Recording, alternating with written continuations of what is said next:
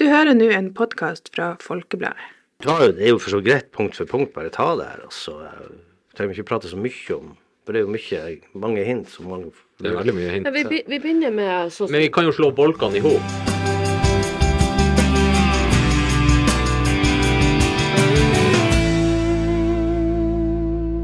Velkommen til Folkepodden. Eh, I dag har vi med oss sjefredaktør Steinulf Henriksen, journalist og produsent av Nissorama, Gøran Johansen, og jeg heter Susanne Noreng og er journalist og programleder i Nissorama. Folkebladet har i år en, litt, eh, en ny og litt annerledes julekalender. Hver uke viser vi en ny nisse som eh, er forkledd, og så skal folk få gjette på hvem det er som skjuler seg bak maska ved hjelp av flere ledetråder gjennom uka. I går ble det avslørt at det var du, Steinulf, og nissen denne uka. Hvordan har det vært for deg denne uka? Nei, egentlig litt spesielt, for at uh, første episoden gikk jo mandag, og uh, det var veldig stille. Uh, ingenting. Og så gikk det kanskje dagen etter, så fikk jeg sånn forsiktig spørsmål fra en i familien om eh, det kunne være meg. En eneste, et eneste spørsmål. Og, eh, og da lurte jeg på hva i all verden en hest gjorde der, og eh, Star Wars og litt sånn rart, eh, rare hint. da. Så vet jo jeg at uh, underveis har det kommet en del forslag på uh, hvem det kunne være. Og det første forslaget om meg det kom ikke før onsdagen før, før andre episoden. Og så var det litt morsomt at det kom flere som hinta på han Tore Rismo, en av kompisene mine som er cupmester og eh, TIL-legende. Cupmester i 86 og TIL-legende. At det var han. og Jeg kan ikke fatte og begripe hvorfor det skulle være han. han det var jo mye Liverpool i det her, og Ja, ja. favorittlag. Og han er jo Manchester City-fan, så, eh, Ja. så det var litt, eh, litt pussig. Ja. Men um, har, har du klart å holde tett, da? Når f.eks. det familiemedlemmet kom og spurte om hesten, klarte du å holde maska? Ja da, jeg holder jo selvfølgelig maska så lenge det er mulig. Så, Ja. Og så visste jeg jo også eh, innslaget på min mobil til, eh, til kona mi, men hun eh, tok ikke det med det samme. Hun tok ikke hintene med det samme. Så, men jeg forsto det jo etter hvert, det, det gjorde jeg. For det, kom, det er klart, det kommer flere og flere hint. Og etter onsdag, og spesielt fredag, så er det jo klart at Ja. da var det ganske åpenbart etter hvert. At, Da var det litt I hvert lettere. fall for de nærmeste, de som kjenner både meg og Folkebladet, så var det vel ganske greit. Ja. Eh, hvordan syns du det var å, være med og spille inn dette? Nei, jeg syns det var kjempeartig. De har gjort en kjempejobb. og eh, Jeg var jo med egentlig helt fra starten da, ideen, og det var jo Maria Holm Simonsen, nyhetsredaktør, som kom med ideen først. Jeg syns jo det hørtes kjempespennende ut. Og så eh, ser jeg at det har blitt en eh, ganske eh, omfattende jobb, spesielt fra eh, Gøran og eh, Ida, som har stått i spissen for det her. Så, Men jeg syns det har vært kjempeartig både å følge med på de, eh, de første. og Jeg sendte jo en melding til eh, Sigrun Pressbakmo og takka henne for å ha stilt opp, og dette var veldig bra. og Hun var jo så overbegeistra og syntes det var så artig. og Ja, så han Nico i andre episoden, han sto, stortrivdes jo. Jeg hadde akkurat samme opplevelse. Det var jo litt sånn eh, Litt varmt å være i nissedrakt og eh, bak og dansa gjorde jeg, og masse greier og sånt. Men eh, nei, jeg syns bare det var et show. Og, eh, man skal bjuda på. Man må, eh, Ja. man må by på seg sjøl, og det har vi gjort i ulike sammenhenger, og det syns jeg bare er fint. Ja, det er bra. Du, Gøran. Mm -hmm. Fortell litt om ledetrådene vi får se denne uka. Det, det var jo veldig vanskelig i starten, og så, så blir det jo lettere og lettere. Ja, vi, vi, vi prøvde jo å, å roe ned på de, de verste hintene. Vi kunne jo vi tenkte vi kunne ikke ha noe med aviser. Vi kunne ikke ha noe med eh, liksom yrke, sånn voldsomme hint i hvert fall. Så vi eh, spora veldig inn på det her med fotball. Eh, så det er vel ingen tvil om hva slags lag du heier på, sånn sett. For det kommer jo ganske, ganske tydelig frem. Og vi har jo det her med hjertet ditt, det er både rødt og grønt, og ikke sant, med fargene til eh, FIL og fargene til Liverpool. og Eh, men så har vi jo det der eh, Kanskje en historie som ikke alle vet. Det der eh, han Bill ville ha meg down under. Hva, hva, det, hva det går i. Ja, I eh, 1989 og 90 så hadde vi en engelsk fotballtrener som hadde bakgrunn bl.a. fra Blackpool i England, som heter Bill Haydock. Trente oss og, og um, var jo en med, trener med, med stort kontaktnett og eh, skikkelig dyktig fyr som har vært i, eh, i store klubber i England og, og eh, havna på Finnsnes da og var, var treneren vår. Og så um, underveis der så hadde han en kompis som trente et ganske altså I Australia så nettopp starta en profesjonell liga, og trente et uh, lag fra Sydney. Eh, som eh, fikk eh, spissen sin skada midt i sesongen. Og da fikk jeg faktisk et profftilbud. som han, han, han her Kompisen av Bill ringte til Bill og spurte om han hadde noen i Norge eller som han kjente, eller på sitt lag, som kunne tre inn på kort varsel i den, den rollen der. Så jeg fikk jo et, eh, mitt livs eh, første og eneste profftilbud som fotballspiller. Og eh, det var vel veldig spesielt. Og jeg tenkte jo på det. Jeg har jo tante i Australia og eh, liksom så, så eh, det gikk jo noen dager, men så fant jeg ut også at eh, jeg hadde fast jobb. Jeg jobba jo hos konkurrenten Nordlys den gangen, fast jobb, ikke sant. Og tjente greit og hadde det veldig, veldig bra på hjemmebane. Og, og eh, valgte jo etter en stund også å takke nei, for det var jo sånn all verdens betaling. Det var, det var greit nok sånn at du kunne leve av det, og man spiste og bodde gratis og sånn, men eh, jeg var kanskje ikke tøff nok, og jeg må jo si sånn i ettertid, så er det, det, det å være proff eh, den gangen og i dag, det er to helt forskjellige ting. Da fikk du til så, livets opphold. Men det kunne jo vært et eventyr uten like. Men eh, for å si det sånn, det har ikke sittet her i dag, og da har du ikke opplevd de andre tingene man har, eh, man har opplevd. Da kunne livet ha blitt et helt annet. Sånn som det ble for tante mi, som bare var på et cruiseskip og hoppa i land i Australia og traff en, han Max som hun var gift med, på en bar mens hun hadde fri fra cruiseskipet, og ble igjen der, og der har hun vært i 50 år. Ja. Så eh, det kunne jo ha blitt på samme måten, men, eh, men i dag så er jeg glad for at jeg eh, tok til fornuften. Selv om det, det- altså det er jo det høres sånn eventyrlig ut, og det var utrolig spennende eh, at det pågikk den her eh, Ja. prosessen. Men det er som du sier, det, det er ikke så mange som vet om det, men det sto faktisk omtalt i den eh, boka som Birgit Gregussen og Stian Jacobsen laga, sånn masse lokale portretter. Der er det den eneste gangen det har, den historien som har, har kommet fram eh, for i dag, da. Eh, som fotballspiller så får man jo eh, veldig mange rare ritualer. Eh, det er mye overtro, det er utrolig mye forskjellige spenstige eh, valg eller eh, ting man ser når folk skal inn på banen. Det er hinking, og det er ja, alle mulige slags tegn og greier og greier. Noen går baklengs inn noen går baklengs og Ja, ikke sant.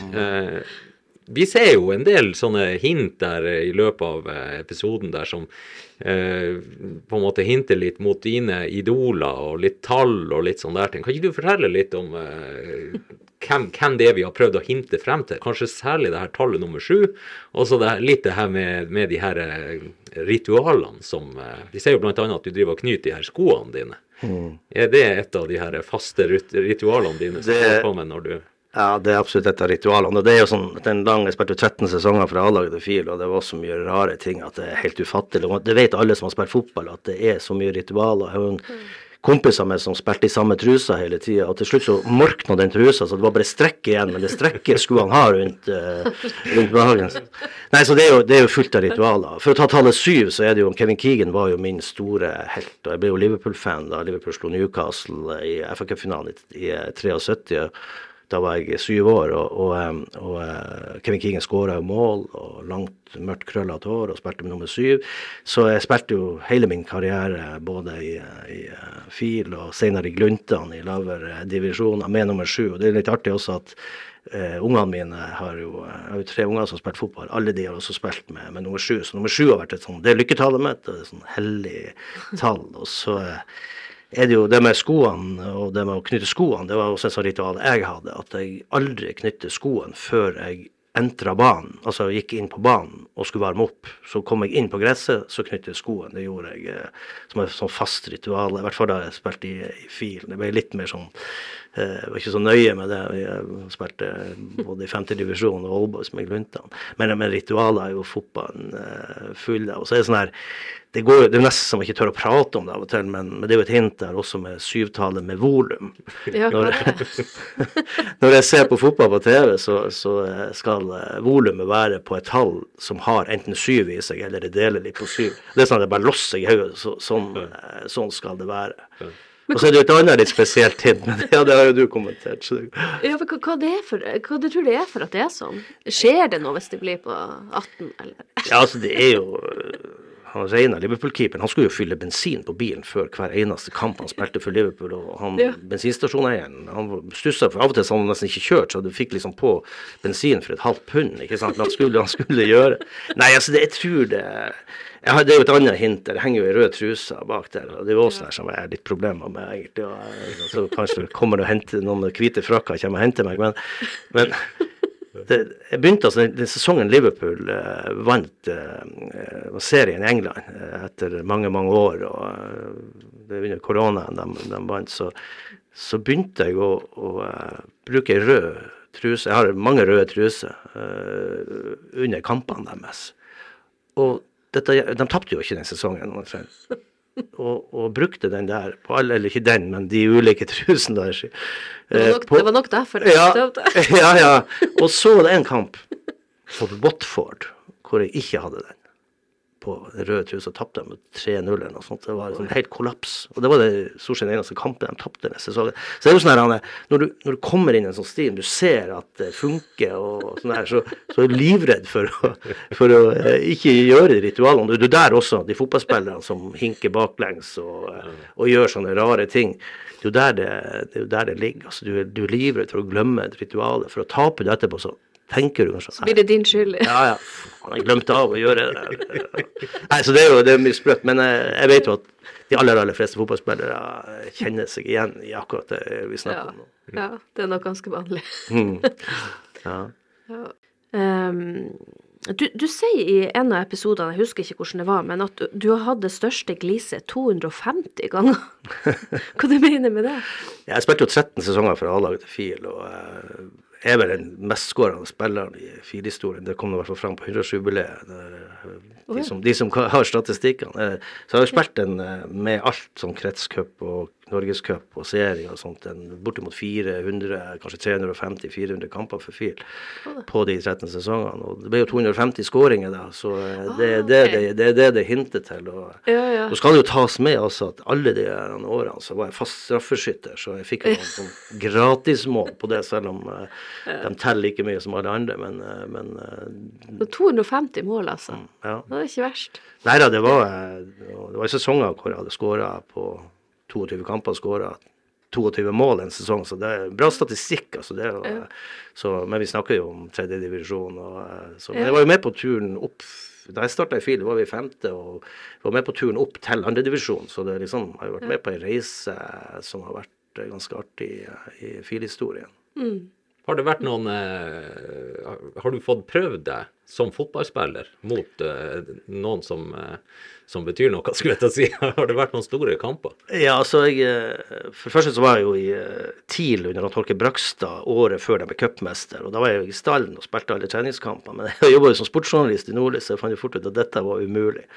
Og to sesonger så trente jeg også med Frigg i Oslo under Tor Øste Fossen, som var landslagstrener. Og gjorde det sånn ganske greit. Men så er det jo at man, eh, man vet jo hvor man kommer fra, og dro jo hjem om sommeren, så det var liksom det var umulig å gjøre det. Men den største kampen var vel i eh, 1988, da vi eh, møtte Westham United på Field stadion.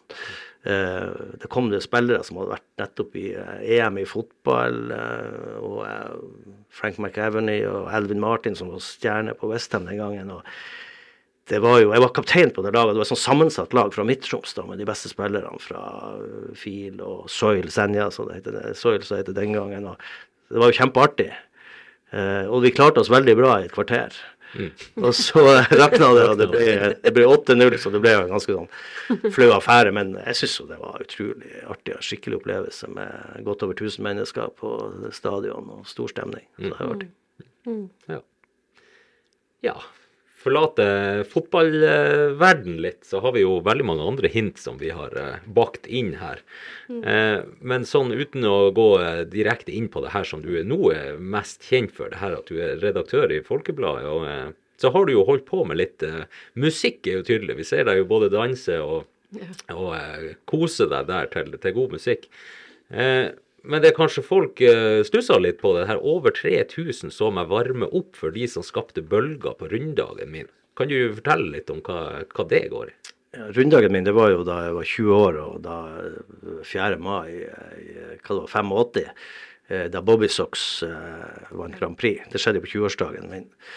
Eh, og så vil jo tilfeldighetene da, noen år senere, så eh, var jo i, i 84 så, eh, så var jo jeg rødruss, og da starta vi et band. Eh, russeband. Og hadde et sånn eh, band i bandet som heter Booze Brothers. Eh, tre stykker, bl.a. Eh, varaordfører Geir Inge Sivertsen og Jo, jo Hemming Strømholt, som jobber på, eh, på Finnfjord AS. Vi, vi hadde et sånt band som eh, Og vi opptrådte med det russebandet. Og så, når Elisabeth Andreasson senere Andreassen eh, i Bobbysocks kom til Finnsnes for å, eh, for å spille noen år senere, så, eh, så skulle da vi varme opp med The Boost Brothers. Forsterka med Tore og Raymond Lind og et skikkelig Finnsnes-band med veldig dyktige musikere. og og vi øvde jo, og, og, det som var så litt morsomt med det her, det var jo 3000 mennesker på Heimlimyra. Eh, Vi ble kjørt inn i en åpen bil som liksom henta noe sekvensen fra Blues Brothers-filmen. da, og Vi kunne bare to eller tre Blues Brothers-låter.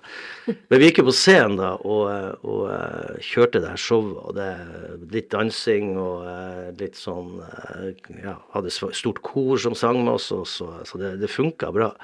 Og så var Elisabeth Andreassen, eller Andreasson, som het det den gangen, litt forsinka, så hun gikk egentlig rett på scenen etter oss. Eh, Så vi spilte enda mens hun kommer inn på scenen, og så bare ser hun bort på oss, starter en låt, og så stopper hun låten helt. Og så sier hun bare Å, fy faen, hvilket band! så da var tonen sånn. Og så var jo scenen hennes. Da, men så vi fikk lov å varme opp for henne. Det var, det var stort. Det var et vanvittig trøkk eh, på Hemmeligmyra den gangen. Det kan jeg love dere. Ja, ja. Ehm, Jeg, jeg lurer litt på noe. Det, det er jo, vi ser et bilde i flere episoder av Knut Lystad. Hva, hva, hva gjør verden?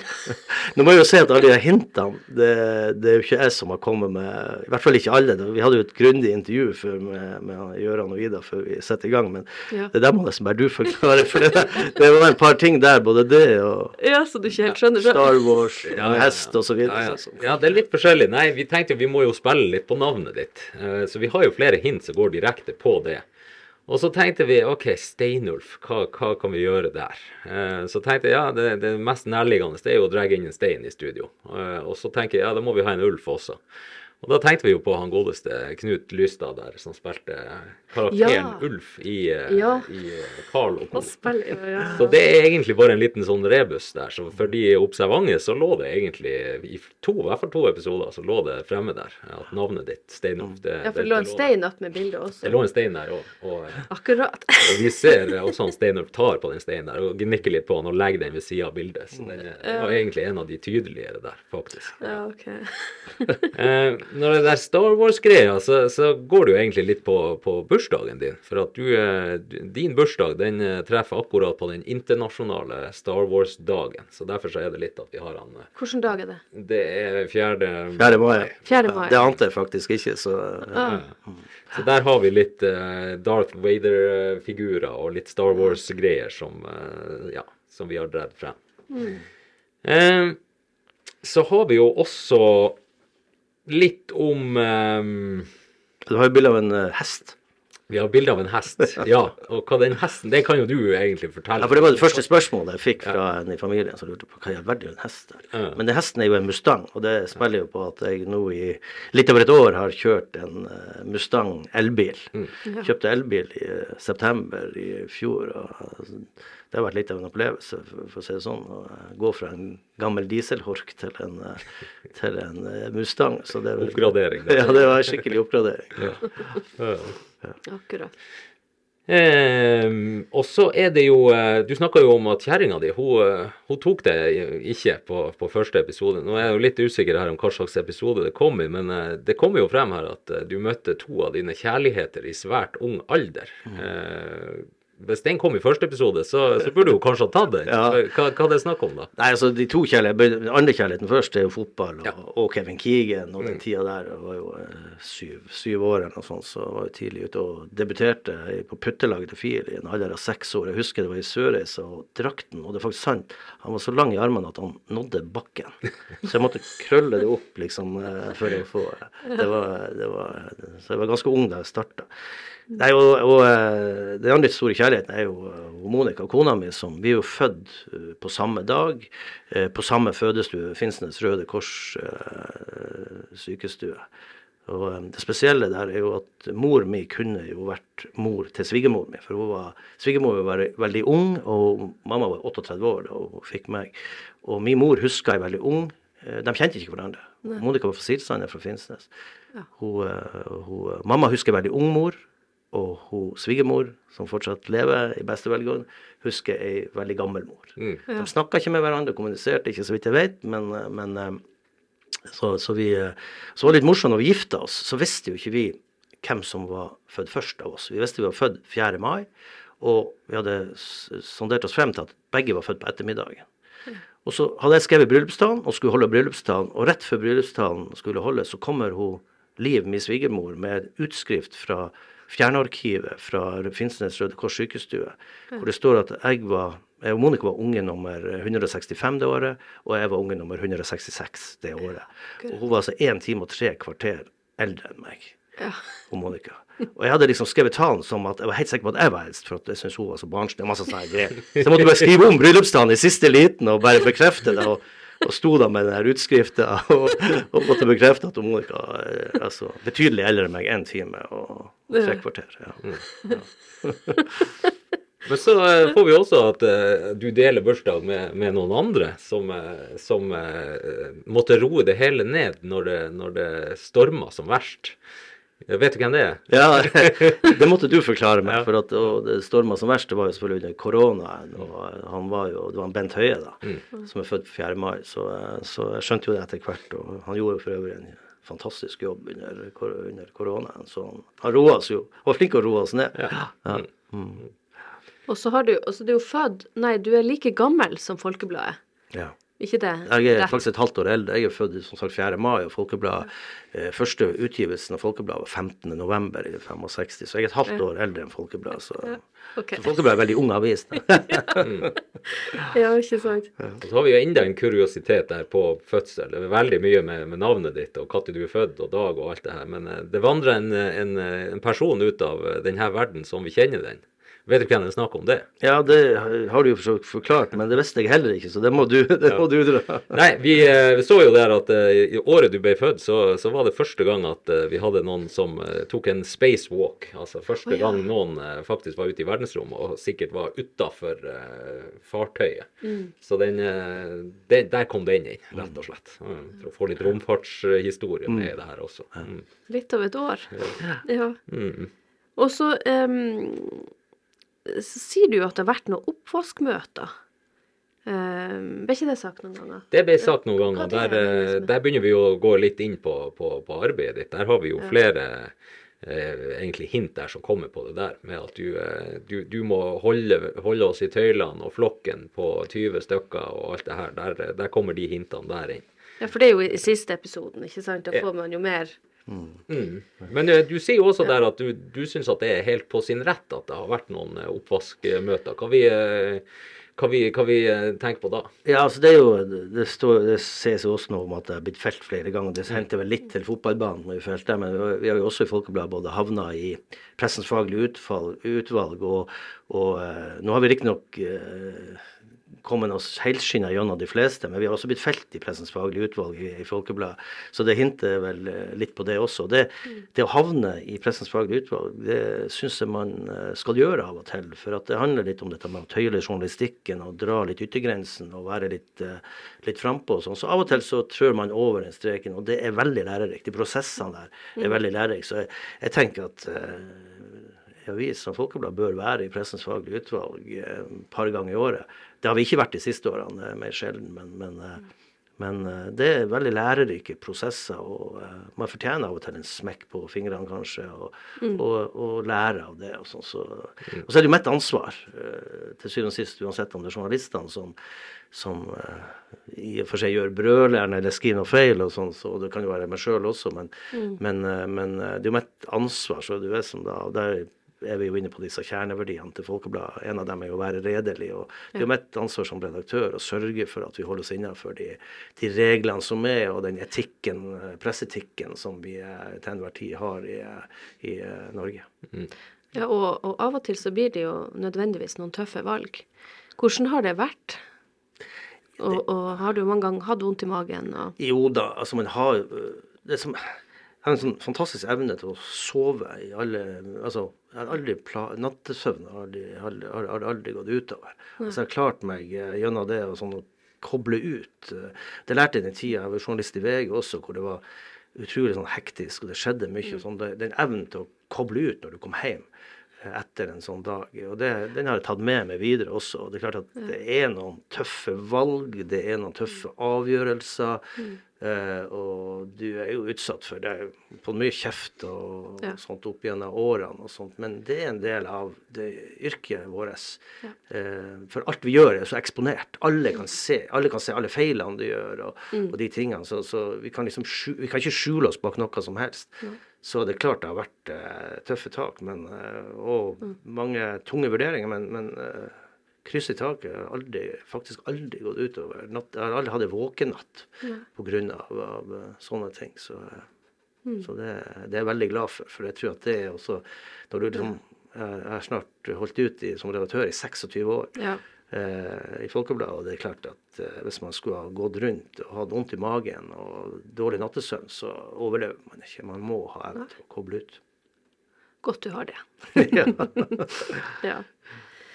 Vi snakker jo også om litt eh, rivaleri. Jeg vet ikke om vi var så veldig mye inne på det, men eh, at du både har, eh, har rivaler, selvfølgelig på fotballbanen, der har man alltid rivaler, men også eh, på arbeidsplassen der. Eh, kan ikke du fortelle litt om det her, eh, både innad i familien også? Det er Ja. kanskje noen som ikke vet eh, det rivaleriet der. Nei, det, det sies også at jeg jobba for to av våre konkurrenter. Jeg jobba i ti år i Nordlys og fem år i VG. Og, og, eh, så en sønn da, som jeg har gått i mine fotspor. Han starta faktisk her i Folkebladet som ja. frilanser og sommervikar. Og så han jo jobba i, i TV 2 og Nordlys og eh, NRK nå. Eh, Så det var liksom morsom historie. Så han har jo vært min konkurrent. Ja. Og vi har jo sittet på hytta og sånt, og satt rett over bordet til hverandre og sittet og skrevet. Vi hadde liksom hjemmekontor under koronaen, så da jobba han for Nordlys, jeg for, for, eh, for Folkebladet. Og ante ikke hva han drev og skrev på, og han ante ikke hva jeg holdt på med. og sånt. Men en, av historiene som tar kaka, er jo når vi, når vi eh, var før påske, så var vi på hytta, og så, eh, så går det et ras på yttersida av Senja. Og, eh, og eh, ganske alvorlige greier. Og han fikk jo da som nordlysjournalist tips, og jeg fikk jo for så vidt også det. Og så ser jeg bare han drar. Vi har én bil. Og han tar bare bilen hytta og, og kjører bare av gårde. Sier ikke et ord. Og, eh, og eh, er først på stedet, faktisk. Og, eh, og får jo veldig bra bilder og video og greier. Nå kom vi riktignok, det var ikke jeg da, men vi sendte en journalist. Så det, det var ikke sånn her, men de slo oss på den saken. de Den kom først ut og sånn, så det var jo en helt Og tok altså bil. Ja, tok bare bilen. Ble det husarrest? Ja, nei, altså det er jo litt, Vi har jo mye humor med det der. Vi er jo, vi er jo sånn konkurranse. Enda, enda i dag så er det jo sånn at hvis NRK liksom fører oss med en sak som har lokal tilknytning her, og sånn, så, så bruker han bare å skrive en sånn kort tekstmelding til meg. Eid. Altså at han eier, eier meg. Så står det bare 'eid'. så, eh, men det, det er mye humor. Jeg syns jo det er også Det blir jo litt artig òg. ja, det er jo artig, og det er kjempeartig at han har gått i, i fotsporene. Og, og Ja. den jobben han hadde TV 2 her et år i, i Nord-Norge, så var det veldig likt den tida jeg jobba i VG. Som, Ja. Du var jo på farten hele tida hadde jo egentlig aldri fri. Hvis det skjedde noe, så måtte du rakke ut. Jeg kjente meg jo så igjen. Så, så, og, og den konflikten han også hadde med fotball, for han er jo fotballspiller enda i dag, hadde jo akkurat det samme hadde jo jeg òg. At liksom Ja. du måtte liksom hele tida gjøre, gjøre valg. Og det er klart, jobben går jo selvfølgelig alltid først. Ja. Sånn er det. Ja. Så kom vi, eh, vi I forhold til den rollen der, det er jo også noe vi er litt inne på der. At du har, eh, du har mange venner. Nå har vi jo vært veldig eh, konkrete i detaljet der, men der tok vi eh, utgangspunkt i Facebook-vennene. Jeg visste ikke at jeg hadde 3000 venner på Facebook. 3000 venner, Ja, det, det- har vi sjekka, så det, det er greit. Men der kommer det jo frem der at du må, du må være litt forsiktig med hvem du knytter nære bånd til. Og Det er jo også noe som går litt på rollen din. Har det, har det vært noe utfordrende for deg noen gang, det her med, med den biten? Ja, det har det vært. Og, og spesielt da jeg for 26 år siden ble redaktør i Folkebladet. Det gikk veldig greit å jobbe i Nordlys, for da jobba jeg jo i Tromsø, litt her. Og, men liksom, folk har litt mer distanse til ei avis som Nordlys, og det gikk veldig greit når jeg jobba i VG, for da da eh, som reiste jeg hadde jo ansvar for Troms, Finnmark, Svalbard og Russland. Og liksom traff ikke de kildene på nytt igjen. Traff dem ikke på butikken og, og, og sånn. Så det var veldig greit. Men jeg kjente jo på når jeg kom tilbake, for at uh, jeg er jo født og oppvokst på Finnsnes og har bodd, bortsett fra i Oslo en periode og i, i Tromsø en periode, så, så har jeg jo bodd på Finnsnes og kjenner mye folk, også i, i maktposisjoner. Og det har jo vært, eh, vært vanskelig, og det, det har jo opplevd en, noen tilfeller hvor man måtte ha klarert ting og forklart dem at vi, dette er min jobb, sånn er det bare. og eh, Ikke si at jeg har mista venner, men jeg har nok mista kontakten med en del av de eh, som jeg kjente da jeg eh, veldig godt da jeg flytta her for første gangen og kom, kom tilbake som redaktør. Som, så var det ikke liksom naturlig å ha sånn, sånn nært eh, vennskapsforhold til. Og sånn er det jo bare. Så, så, Men jeg tror ikke jeg har så veldig mange uvenner direkte. Men, men det er klart når en sånn posisjon, og man sitter sånn som jeg gjør, så, så må man være bevisst på hvem man omgås. omgås. Det er ikke noe tvil om det. Være redelig. Ja, det handler jo om et av kjerneverdiene til Folkebladet, det å være redelig og åpen. Jeg kan jo si ett tilfelle. Det var jo han Geir Inge Sivertsen som er en barndomskompis av meg. og Vi spiller, spilte i Booze Brothers i lag, og vi, og vi, eh, vi eh, hadde masse med hverandre å gjøre innenfor idrett og, og gå på skole, som sagt, og alt dette. Og så kommer jeg tilbake, og så blir han ordfører. Og, og, og da måtte jeg rett og slett skrive i en kommentar i Folkebladet at uh, vi bor på en liten plass, og sånn er det. Jeg kan ikke gjøre noe med et gammelt vennskap, men at lederartikler og kommentarer som omhandler han, skal i all hovedsak skrives av, av andre. Sånn at jeg var åpen på det. Og det har for så vidt vært, det har jeg fått tilbakemelding på, det var veldig greit. Da visste folk det. Men det er klart du blir utsatt for spekulasjoner og alt sammen. Og, og eh, det, det må man bare ta med seg. Sånn er det bare. Men jeg tror det er viktig å være åpen på det og redelig, at du, du forteller det. Vi tar en, eh, den aller siste der? Den kan jo være litt grei, for det var jo kanskje noen som, eh, lurte litt på det. Bare sånn veldig kort. Det der med, med milliardærer, som vi snakka om litt der på slutten, og noe kontaktnettverk der. Når by og land skulle samles, bare for å nøste opp i den tråden der, hva det var? Ja, det var jo eh, Jeg var jo med på å starte det her damelaget med, som, som eh, Senja og FIL, altså Finnsnes og Senja, slo, eh, slo seg sammen og, og danna et damelag. Um, og dette var jo uh, veldig vanskelig å få Vi skulle satse. vi røkka Første sesongen i lag røkka vi opp fra tredje til andredivisjon, som jo er det høyeste nivået i Nord-Norge. Å få dette til å gå rundt økonomisk ja, krevende. Så eh, jeg har en god venn som heter Kjell Kolbeinsen, og kontakta han og spurte om, eh, som mange her kjenner, Finnsesgutt, som har nær kontakt med milliardæren Trond Moen igjen. Så, eh, og det har jo vært skrevet om en del i avisene. Trond Moen han, han har jo vært med og sponsa det her damelaget over mange år. Det er jo seks sesonger nå, og faktisk gitt oss én million kroner til å drive det laget. Så det har jo vært en fantastisk reise. reise. Ja, og med det skal vi runde av for i dag. Um, takk for at du hørte på Folkepodden. I studio var Steinulf Henriksen, Gøran Johansen og Susanne Noreng. Teknisk ansvarlig for denne podkasten er Trond Sandnes.